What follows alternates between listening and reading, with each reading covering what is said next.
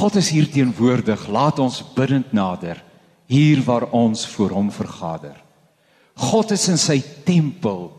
Hemelpoorte bewe. Almal buig voor hom wat lewe. Amen. Liewe gemeente, genade, vrede en vrede van God ons Vader en die Here Jesus Christus in en deur die kragvolle werking van God die Heilige Gees. Broers en susters, wie van u was al op moed verloor se vlakte gewees? Dis nogal 'n mooi spreekwoord, nê? Nee? Moed verloor se vlakte. Die Bybel praat dikwels van hierdie vlaktes, hierdie eensame tye in ons lewe. Hy praat van Psalm 84, hy sê die dorre laagte. Jesaja praat baie dikwels van die dorre dorre laagte. Psalm 23 praat van die dal van doodskade weer. Hierdie plek van moed verloor se vlakte. En wanneer mens hier in die vlakte is en jy sien die berg voor jou, dan is die berg totaal en al onoorkomlik. Is al wat jy sien. Daar's 'n enorme berg. As dit met jou goed gaan die dag as jy mos op die berg diep toppe, nê, op die pieke, jy kan ronddans want jy het perspektief, jy kan die wêreld sien, jy kan dinge in verhouding met mekaar bring en so, maar as hier in die dal is, in die laagte is, in die vlakte is, ag, en die lewe maak net nie sin nie. Ai, dis nie lekker nie. En ek is seker dat baie van u daarmee kan identifiseer. Ons gaan lees uit Romeine hoofstuk 15 uit en die opskrif van hierdie gedeelte is die voorbeeld van Christus. Daar staan op ons wat sterk is in die geloof. Rus die verpligting om die swakhede te dra van die wat nie sterk is nie. Ons moenie net aan onsself dink nie. Elkeen van ons moet ook aan ons naaste dink en aan wat vir hom goed is en wat hom of haar uit die aard van die saak in die geloof kan opbou. Christus het immers nie net aan homself gedink nie, inteendeel. Dit was met hom soos wat daar geskrywe staan, die beledigings waarmee mense u beledig het op my neergekom. Alles wat vooraf in die skrif opgeteken is, het tog opgeteken om ons te leer sodat ons deur die standvastigheid en die bemoediging wat die skrif ons gee, vol hoop kan wees. En mag God die bron van alle standvastigheid en bemoediging gee dat julle eensgesind onder mekaar sal wees soos Christus Jesus dit wil hê. En dan kan julle almal eensgesind uit een mond lof toebring aan God die Vader van ons Here Jesus Christus. Aanvaar mekaar dan soos Christus julle ook aanvaar het tot eer van God. Ek bedoel dit Christus het gekom om in belang van die Jode 'n dienaar te word. Hy moes vir hulle die waarheid van God bevestig deur die beloftes wat die voorvaders ontvang het waar te maak. So het hy ook gekom sodat die ander nasies God oor sy ontferming sou verheerlik. Soos daar geskrywe staan, daarom sal ek U loof voor die nasies en tot eer van U naam sal ek 'n lofpsalm sing. En dan hier in vers 13, mag God die bron van hoop. Julle deur julle geloof met alle vreugde en vrede vervul sodat julle hoop al sterker kan word deur die krag van die Heilige Gees. Mag God, die bron van hoop, julle deur julle geloof met alle vreugde en vrede vervul sodat julle hoop al sterker kan word deur die krag van die Heilige Gees. Jy weet wanneer 'n mens moedeloos is, veral wanneer jy regtig moedeloos is, dan gebeur daar klomp goeders in jou binneste nie waar nie, nê. Een van die belangrike dinge is jy verloor totaal en al perspektief. Hoe langer jy op hierdie moed verlore se vlakte jouself bevind, begin jy perspektief verloor. En nou dan kan jy goeders net nie meer behoorlik onderskei nie. Dis hoekom so belangrik is dat 'n mens wanneer jy depressief en moedeloos is in in hierdie vlakte situasies dat jy met iemand sal gesels wat jy kan vertrou en wat 'n simpatieke oor het sodat hy vir jou kan help om perspektief te kry. Maar hoe kan jy wat vasgevang is in hierdie situasie vir jouself perspektief probeer uitwerk? En daarom broers en susters, is dit die volwasse ding om te doen wanneer jy moed verlore is om iemand te gaan vra, help my asseblief, ek is vasgebrand. Dit gebeur tog in almal se lewens. En omdat jy nie praat met mense nie en nie hulle kan vertrou met jou problematiek nie, begin jy vrymoedigheid verloor om uit te reik en en jy begin minderwaardig voel in jouself en jy twyfel aan jou eie vermoëns en in jou eie menswees. En is nie lank nie of jy begin jouself en ander en God te verwyd omdat dit met jou sleg gaan. Dis nie 'n lekker plek om te wees nie, broers en susters. Miskien is jy vanoggend self daar. Jy sien die lewe is nie altyd vriendelik nie. Kom ons wees eerlik met mekaar.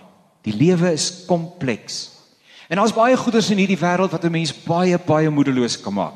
Daar's goeders in jou eie persoonlike lewe. Wie van ons het daai goeders nie? Daar's die dood van 'n geliefde, daar's werksverlies, daar's die konflik wat jy in jou eie hart beleef en eie kring, daar's siekte. Siekte veral kan 'n ou op 'n plek van totale moedeloosheid bring. Daar's emosionele probleme soos depressie en alles wat daarmee saamhang. En dan hierdie wêreld waarin ons is, dis 'n rondom taal die wêreld waar jy eintlik nie meer weet waar jy van dag tot dag is nie. Jy die koerant oopmaak, is daar 'n nuwe situasie waarmee jy gekonfronteer word. Tans die enorme ekonomiese probleme wat ons ervaar. Die lewe het so duur geword. Hierdie goed maak 'n ou moedeloos. Dit maak 'n ou moeg. Dit tap jou energie of jy dit wil weet of nie. Nee, die Bybel is vol van hierdie dinge. Die Psalmdigter getuig ook daarvan want hy kyk so na die wêreld en in Psalm 73 sê daar's een ding wat ek nie verstaan nie, Here. Hy sê dit lyk vir my so asof mense wat met U niks te doen wil hê nie, asof hulle floreer. Ek hulle het nie probleme nie, hulle het nie worstel nie, oënskynlik lyk dit so. Met hulle gaan dit altyd goed en so aan, maar ek dat ek die kwaad vermy het, dit het my absoluut niks gehelp nie. Inteendeel, sê die psalmdigter, hy sê elke nuwe dag het vir my teeslag gebring en elke môre straf. Hy beleef dit baie baie intens. En daarom moet ons nie afgunstig wees op ons sondaars nie, nê, want hulle het nie 'n toekoms nie en dit is waarvan hy getuig in die res van daardie psalm. Hoor 'n bietjie Psalm 40. Julle ouens, eintlik ontstel dit 'n mens dat 'n mens sulke naakte eerlikheid in die Bybel kan raakloop. Jy voel amper, amper asof jy dit daar behoort te kry nie. Hy sê, "Ramp op ramp het my oorval, my ongeregtighede het my ingehaal. Ek weet nie meer waarheen nie." En dan sê hy, "Hierdie ramp is meer as die hare op sy kop. Hy weet nie waartoe op pad is nie." Julle, dis die klaagliedere, die skrywer van klaagliedere, as dit dan Jeremia is Jeremia. Wow, wat sy hart oopmaak vir ons vir oggend. Hoor hoe praat hy oor sy ervaring. Hy sê Here, het U my dan net so gelos, hoor bietjie. Die Here het my met sy toorn geslaan. Hy het my in die donker ingejaag met laat loop op 'n pad sonder lig. Vir my stoot hy gedurig weg, dag na dag. Hy het my hele liggaam laat wegteer, my bene gebreek. Hy het my toegebou met 'n muur van gif en ontbering rondom my. Hy maak die donker my tuiste. Ek is soos iemand wat lankal dood is. Hy het 'n muur om my gebou. Ek kan nie uitkom nie. Ek kan nie uitkom nie. Hy het vir my swaar bronskettinge aangesit. Al roep en smeek ek om hulp, hy weier om my gebed te verhoor. Hy het die pad, my pad met klip toegebou vir my is daar geen uitkomplek nie. As 'n mens lank genoeg in hierdie posisie van moedeloosheid is en uitsigloosheid, dan kom jy by hierdie plek. Jeremia sê, Here, waarom is daar geen einde aan my pyn nie? Waarom is my wond ongeneeslik en wil dit nie gesond word nie? Hoor wat sê Jeremia die profeet, ek kan nie op u reken nie. U is net so min soos wat 'n mens op 'n stroom kan reken wat hy droog somme net op. Natuurlik het die Here vir Jeremia nie toegelaat om dit te sê nie want hy sê vir hom as jy jou woorde terugneem, sal ek jou weer in my diens neem. As wat jy sê waarde het en nie onsin is nie, sal jy weer namens my kan praat. Dit is my wonderlik dat die Here sê maar daar is 'n pad, daar is 'n perd, nê, nee, maar hy verdra tog vir Jeremia. Die mense Jeremia moet jou volg. Broers en susters, waar is die kerk? Die Here moet die die mense moet die kerk volg. Nie jy vir hulle nie. Ook in die wyse waarop ons te midde van aanvegtinge die genade vind om te bly staan. O moedeloosheid. Die Bybel is vol daarvan, hè. Terwyl die Israeliete teruggekom het uit ballingskap en hulle begin die mure van Jerusalem weer opbou en die tempel en alles en so aan, is daar ander mense wat vyande van Israel is en daar staan. En die vind jy altyd in die samelewing. Daar's altyd vyande van die kerk, vyande van die geloof, jou eie vyande en hulle roeping is om jou batterye pap te maak om jou moedeloos te maak. Daar staan die nie-Israelitiese inwoners van die omgewinge toe die volk van Juda probeer moedeloos en bang maak om met die bouwerk aan te gaan. Ons weet almal hoe voel dit wanneer jy net voel ek is net te bang om aan te gaan met die werk. Ek is net te bang om my kop weer uit te steek.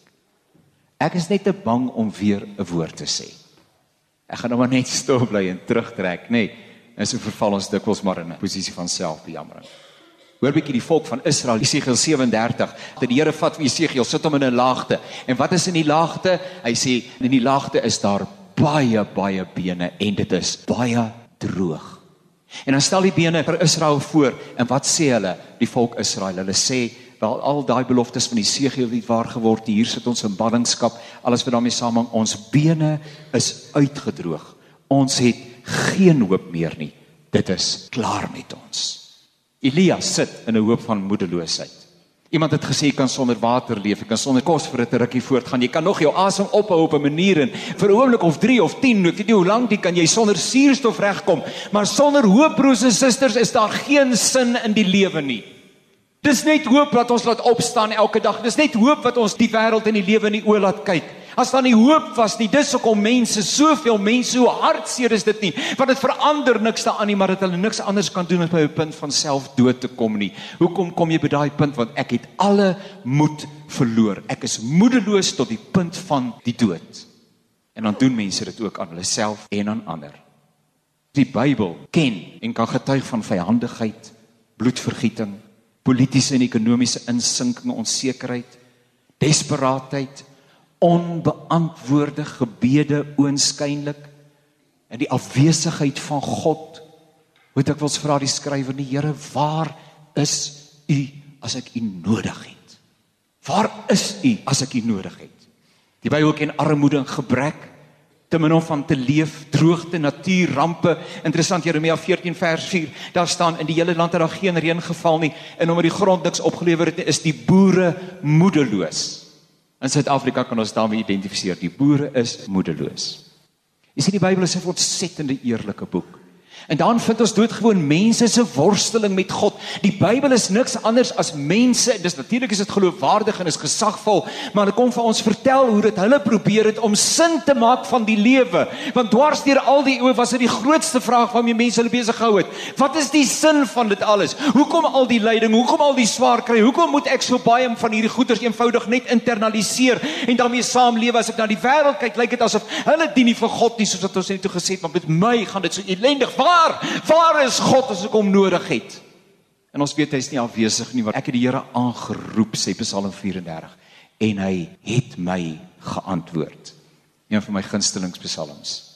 Hy het my gered van alle doodsgevare. Die wat swaar kry sien op na hom en straal van blydskap. Hulle word nie teleurgestel in hulle verwagting nie. Dan sê hy, ek is een van die lendiges wat geroep het. Die Here het gehoor. Hy het al my benoudhede uit my gered. Kom ondervind en sien self dat die Here goed is. Dit gaan goed met die mens wat by hom skuil. Uiteindelik kan ons by God tuiskom. Ag, mens vind blaatante eerlikheid in die Bybel. Job het sy geboortedag vervloek. Johan het gewens hy kan sterf. Die profete het aan God se goeie bedoelings vir hulle lewe begin twyfel, die goed wat hulle moes deurmaak. Die psalmdigter was meermale tot die dood toe depressief. Jesus het bloed gesweet. Terwyl hy roep na sy Vader, hy sê Here God, my Vader, as dit moontlik is, laat hierdie beker by my verbygaan asseblief. Hy wat in alle opsigte mens was. Die Bybel is vol van getuienisse. Paulus wat op 'n stadium sê ek het hoop om te bly lewe, ek het dit verloor. Ek het hoop om te bly lewe. Die Bybel bevat pyn, seer, vertwyfeling. Maar daar's die ontdekking dat God nie weg is nie. Dat hy nie opgegee het met die wêreld nie. Dat hy dit steeds goed bedoel met mense. Dat sy beloftes ja en amen is. Dat alles gerugsteer word deur sy onverbreekbare trou wat mense deurdra. Daarom sing iemand deurgedra, deurgedra. Hy het my deurgedra deur die storms van die lewe, was hy altyd weer getrou, deurgedra. Hy het my deurgedra. Ek is veilig as ek net op hom vertrou. Aan die einde van die dag stel hy ons nie teleur nie. Hoe beteken nie broers en susters dat alle omstandighede skielik sommer net oplos nie. Die ding wat aanleiding gegee het tot jou moedeloosheid nie. Baie dikwels moet jy daarmee saamlewe. Soms hang dit saam met keuses wat jy uitgeoefen het wat jou in hierdie situasie laat beland het en so aan. En moet jy met die gevolge van daardie keuses saamlewe. Maar hoop staan soos 'n paal bo water ongeag jou omstandighede. Dit word gerigsteen deur geloof in God en die oortuiging dat hy goed bedoel met my. Verlede jaar op 'n stadium het ek so getwyfel aan God as ek so kyk na die wêreld en ek is julle dominee, maar ek sê vir u, ek het getwyfel. Here, kyk net hoe lyk hierdie wêreld. Daai kindertjies wat uitgespoel het, het my hart gebreek. Daai dag toe ek op die televisie sien hoe daai kinders uitspoel daar in die Middellandse See terwyl hulle gevlug het uit Sirië of waar ook al van gevlug. Dit het my hart gebreek. Ek gesê, Here, maar waar is u? En die Here het my gesê jy sal moet besluit wat jy van my glo. En nou die dag nog so aan, dis ek Here weer 'n keer en ek wat ek kom altyd weer by daai punt. Ek kan dit nie vat dat mense swaar kry en seer kry nie. En ek is weer met die Here besig en hy sê dink jy dat jy vir hulle liewer is as wat ek vir hulle is? Dink jy dat jy vir hulle liewer is as wat ek vir hulle is en meer omgee as wat ek vir hulle omgee? Jy moet besluit wat jy van my glo. En ek het gaan sit en voor my Bybel aantekeninge gemaak en ek het geskryf: "My God is goed. My God bedoel dit goed met alle mense." En as my lewe opsom, dan kan ek dit tog wel sê en kan julle dit sê aan die einde van die dag is ons God getrou. Hy kan alles bevind word, maar hy kan nie ontrou bevind word nie. Dit word gedra deur die beloftes in sy woord en wat sê dit alles werk ten goeie vir die wat hom liefhet. Daar's hoop wat ons dra tot ander kant van wanhoop. Die Here sê, ek weet wat ek vir julle beplan. Goeie dinge. Maar ons leef nog in hierdie wêreld. Ons is nog nie in die hemel nie. Die nawerking van die sonde is nog by ons. So belangrik broers en susters dat ons sal onthou dat God ons nie los of ons verwyd wanneer ons in hierdie noute is nie. Want dit was die eerste ding wat ons begin doen, ons ons twyfel aan onsself en ons twyfel ons geloof en ons dink dat die Here ons weggegooi het en ons dink dit is omdat ons ge en omdat ons ge en omdat ons nie gehet nie. En as ons dan kom op hierdie plek van twyfel dan sê ons nou is ek ook nie eens werd om gelowig genoem te word nie. Ek het nou veragter in die genade en ons verwyd onsself net verder en verder van die duiwel is 'n leenaar maar Maar hy's ontbloot vir wie hy is. Broers en susters, God is so genadig, so getrou. En hy verstaan. Hy het in moedeloosheid so na Jerusalem gekyk en sê: "Ag heerlikheid Jerusalem, ek wil julle bymekaar maak soos hy en haar kyk en sê: "Maar julle wou nie." Hy het by die graf van sy vriend Lazarus gestaan en sy hart het gebreek, nie omdat Lazarus dood is in die eerste plek nie, maar oor die vertwyfeling en die hartseer en die pyn en wat die dood doen aan mense se lewens. Daarom dat hy ons saam met Paulus kan sê in 1 Korintiërs 15 vers 58 in die volgende verse: "Dood, waar is jou angel?" Prys die Here, die dood se angel is uitgetrek want die sonde is oorwin. Hy is Immanuel. Hy was van sy Vader verlaat sodat u en ek nooit van hom verlaat sal wees nie. Nooit. Nooit. Ons moenie moedeloos word nie, broers en susters. Ons God is groot. Ou klein Dawid met sy ou rooi wangetjie staan voor Goliat, nê? Nee? Almal huiwer, almal hardloop weg. Dawid sê vir Saul: Moenie moedeloos word oor hom nie. Julle ouens is dikwels is dit Goliat wat voor ons kom staan. Want dis jou Goliatte en myne wat vir ons so laat twyfel en vir ons in soveel nou te bring, nê. Nee. En hier staan hy lewensgroot vir ons en hy's toegerus en hy's bewapen en dit staan op as dit ware ontbloot voor hom en voor God en voor ander mense en ek sê Here, ek kan dit nie hanteer nie. En soos dit Dawid gaan staan ek in die in die krag van die Heilige Gees en ek sê Goliat, jy het die slagordes van die lewende God uitgedaag. Maar vandag sal jy met God te doen kry. Dis hoe ons met die Goliatte, die goed wat ons so moedeloos maak, moet handel. Daardie dag sal gesê word Jerusalem moenie bang wees nie. Moenie jou hande moedeloos laat hang nie. Hy, die Here jou God is by jou. Hy's die krygsman wat red. Hy's vol vreugde oor jou broers en susters hoor vandag, ongeag van wat jou konteks en omstandighede is en dit alles het net jou keuses wat jou vandag in die nou te gebring het. Jy het net jouself om te verwyd. Hoor wat sê die Here? Hy sê ek is stil tevrede oor jou in my liefde. Ek jubel en ek juig oor jou want hy kyk na ons deur die soen dood van Christus Jesus en hy sien ons aan die ander kant van die bloed van Jesus suiwer, rein, vol volmaak geregverdig. As jy vandag in Christus Jesus is en jy kom staan voor die Vader, dan sien hy 'n volmaakte mens. Sondes afgewas, is vergewe. Maar ons sal 'n bietjie moet uh, ruggraat kry, nê? Nee. Ons sal 'n bietjie ietsie van ons paboerigheid moet laat staan en 'n bietjie wag moet aan die dag moet lê. Daarom sê hy trek die volle wapenrusting van God aan sodat wanneer die stryd verby is, jy nog op jou pos bly staan.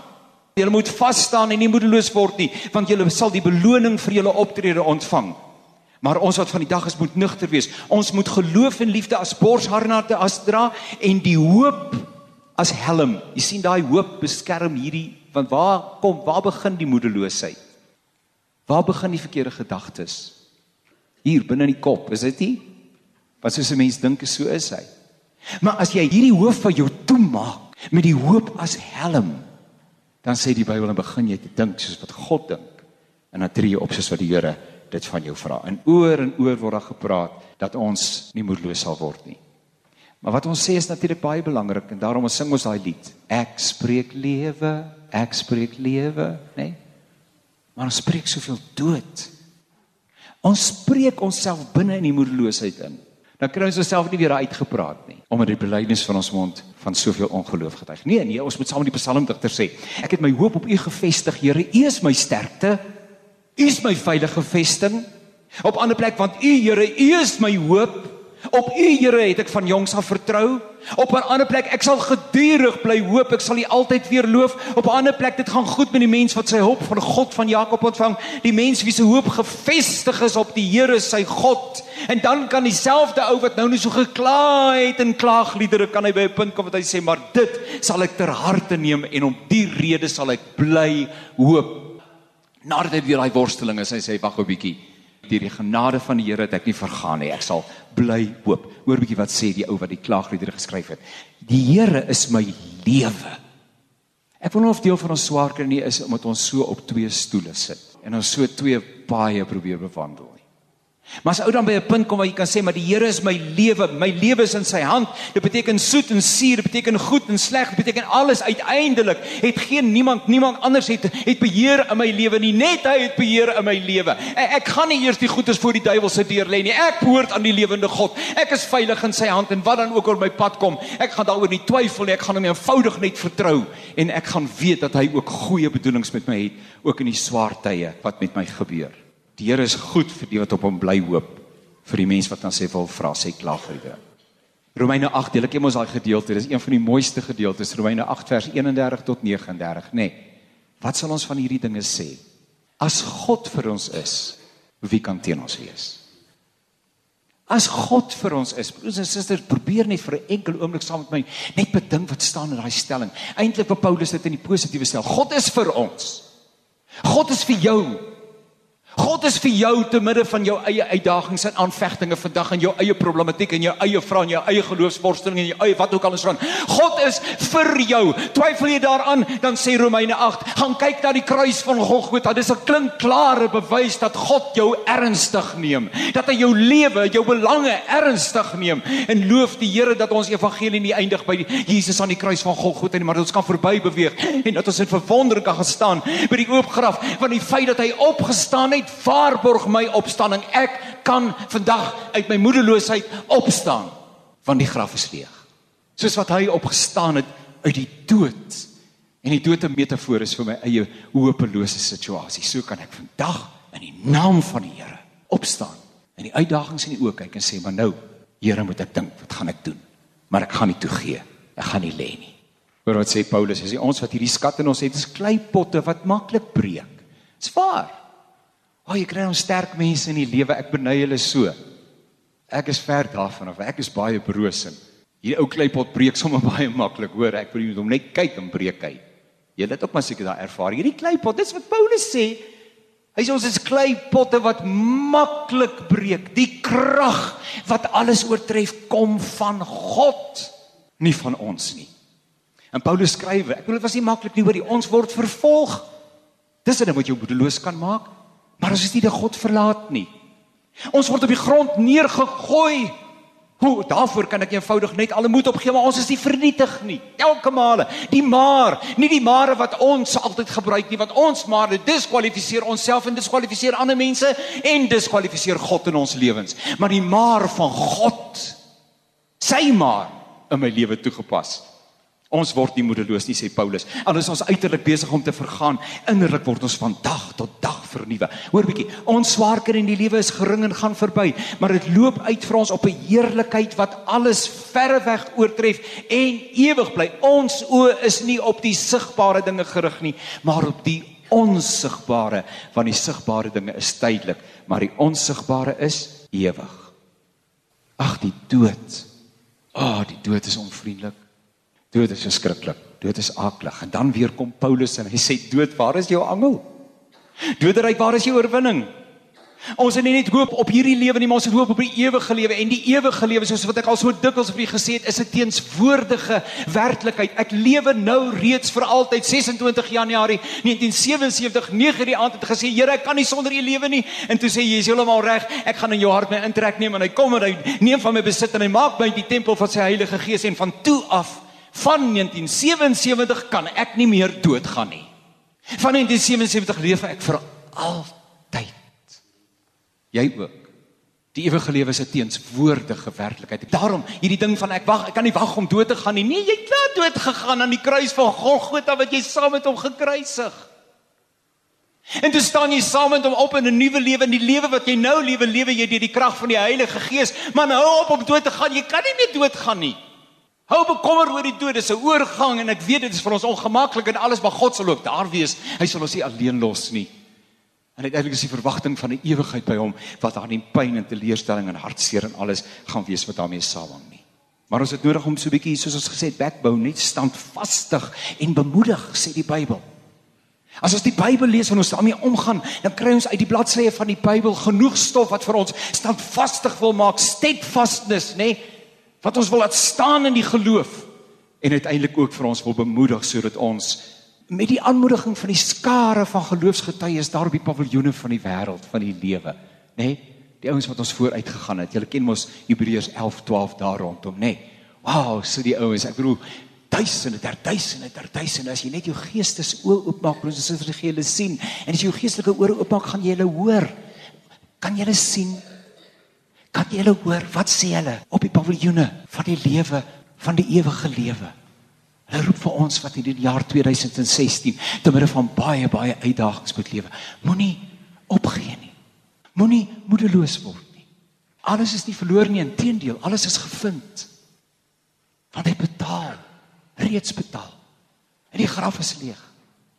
En ons was op dieselfde manier beproef gewees. Christus self was op dieselfde manier beproef gewees en hy sit nou vandag aan die regterhand van God die Vader en hy pleit vir ons, hy tree vir ons in.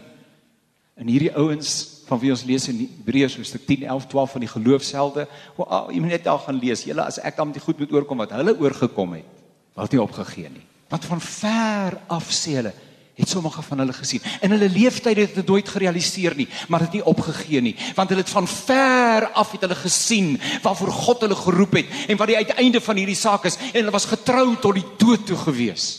Of was dit dan 'n marteldood? Maar dit nie opgegee nie. Moenie Moenie opgee nie. Daar's soveel goed wat ons negatief beïnvloed. Maar moenie opgee nie. God het nie met ons opgegee nie.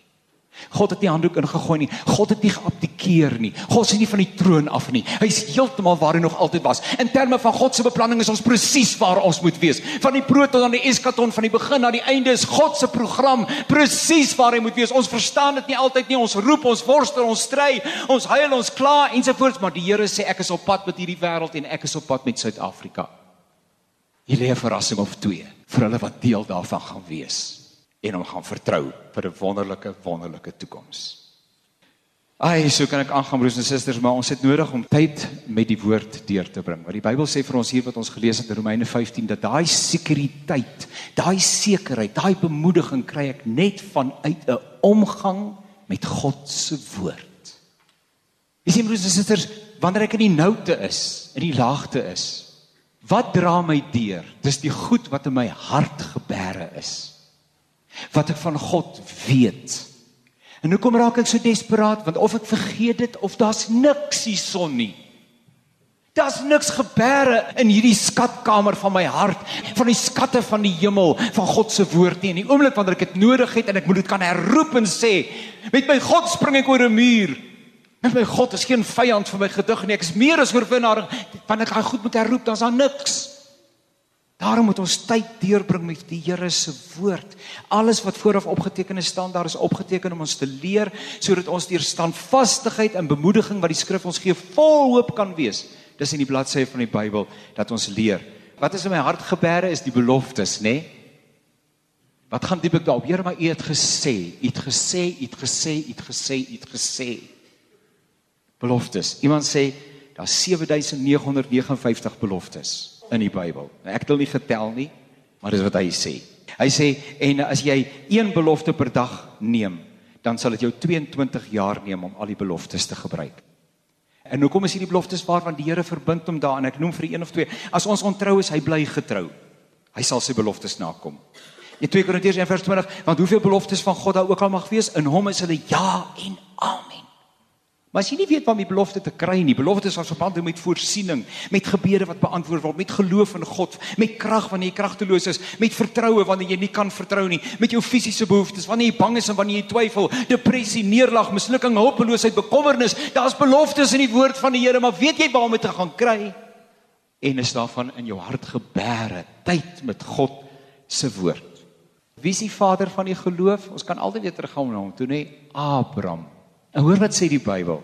Toe daar geen hoop meer was nie. Julle ouens nou, waar's dit nou? Daar is nou nie meer hoop nie. Dis die einde van hoop. En alles kan sê dis die einde, maar God sê is nog nie die einde nie. Dis eers klaar wanneer God sê dis klaar. En so Abraham moes agterkom dat aan die ander kant van sy hopeloosheid, aan die ander kant van hierdie menslike skeidslyn, daar nog hoop is. Die hoop wat God ons gee in sy woord is hoop aan die ander kant.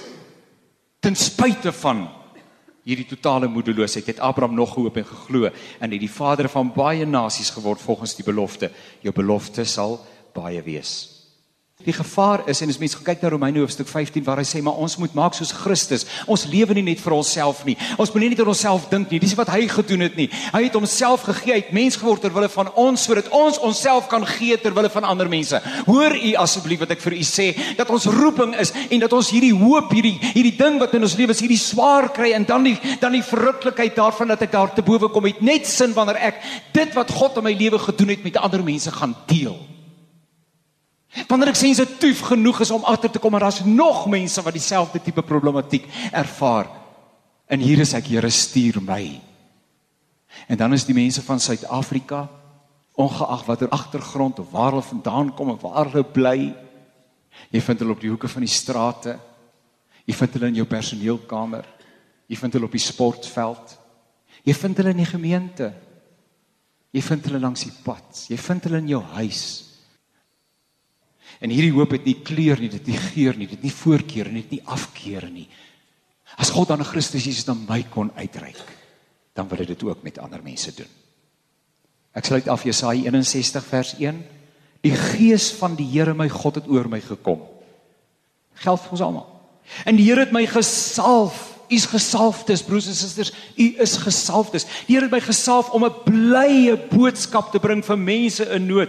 Hy het my gestuur. U is gestuur, dis ek is 'n gestuurde. Suid-Afrika is die adres ongeag van waar ons dit raakloop. Luister bietjie, ons is gestuur om die wat moedeloos is op te beur, om vir die gevangenes vrylating aan te kondig, vryheid vir die wat opgesluit is en so gaan die gedeelte voort. Daarom sê Paulus aanvaar mekaar dan soos Christus julle aanvaar het. Uiteindelik moet die nasies van hierdie hoop hoor. Iemand skrywe: Jy kan op moedverloorse vlakte met jou probleme gaan sit in die wêreld en die verraaiers beskuldig vir die ellende waarin jy jou land en sy mense verkeer. Of jy kan gaan sit en bidend dink. 'n Plan maak en 'n verskil maak. Jou land vra dit van jou. Ek sê dit wils vir die komende geslagte vra dit van ons. Jou medemens Hier sit hulle vandag. Hulle luister oor die radio, hulle kyk op die televisie, jy loop hulle jou medemens vra dit van jou, dink aan die barmhartige Samaritaan. Jou medemens vra dit van jou. Jou Skepper wat jou sy vertroueling met jou talente gemaak het, vra dit van jou. Weet jy, jy kan en jy sal as jy wil. Waag dit. Waag dit, broers en susters, om 'n tree te gee in die onbekende in van ander mense se nood en pyn en teleurstelling. En net as mens teenoor mense te gaan vertel wat God vir jou beteken het. Ai mag die Here ons toenemend toerus dat ons te midde van ons eie gebrokenheid opnuut weer vir hom sal ervaar as die bron van ons hoop. Dis hoe Romeine 15 dit beskryf. Hy is die bron van ons hoop, van standvastigheid en bemoediging. En dat ons vanuit daai ek is een bedelaar wat iewers kos gekry het. Kan ek jou vertel wie my honger en my dors so aangespreek het dat ek in ewigheid nooit weer sal dors of honger wees nie. Amen.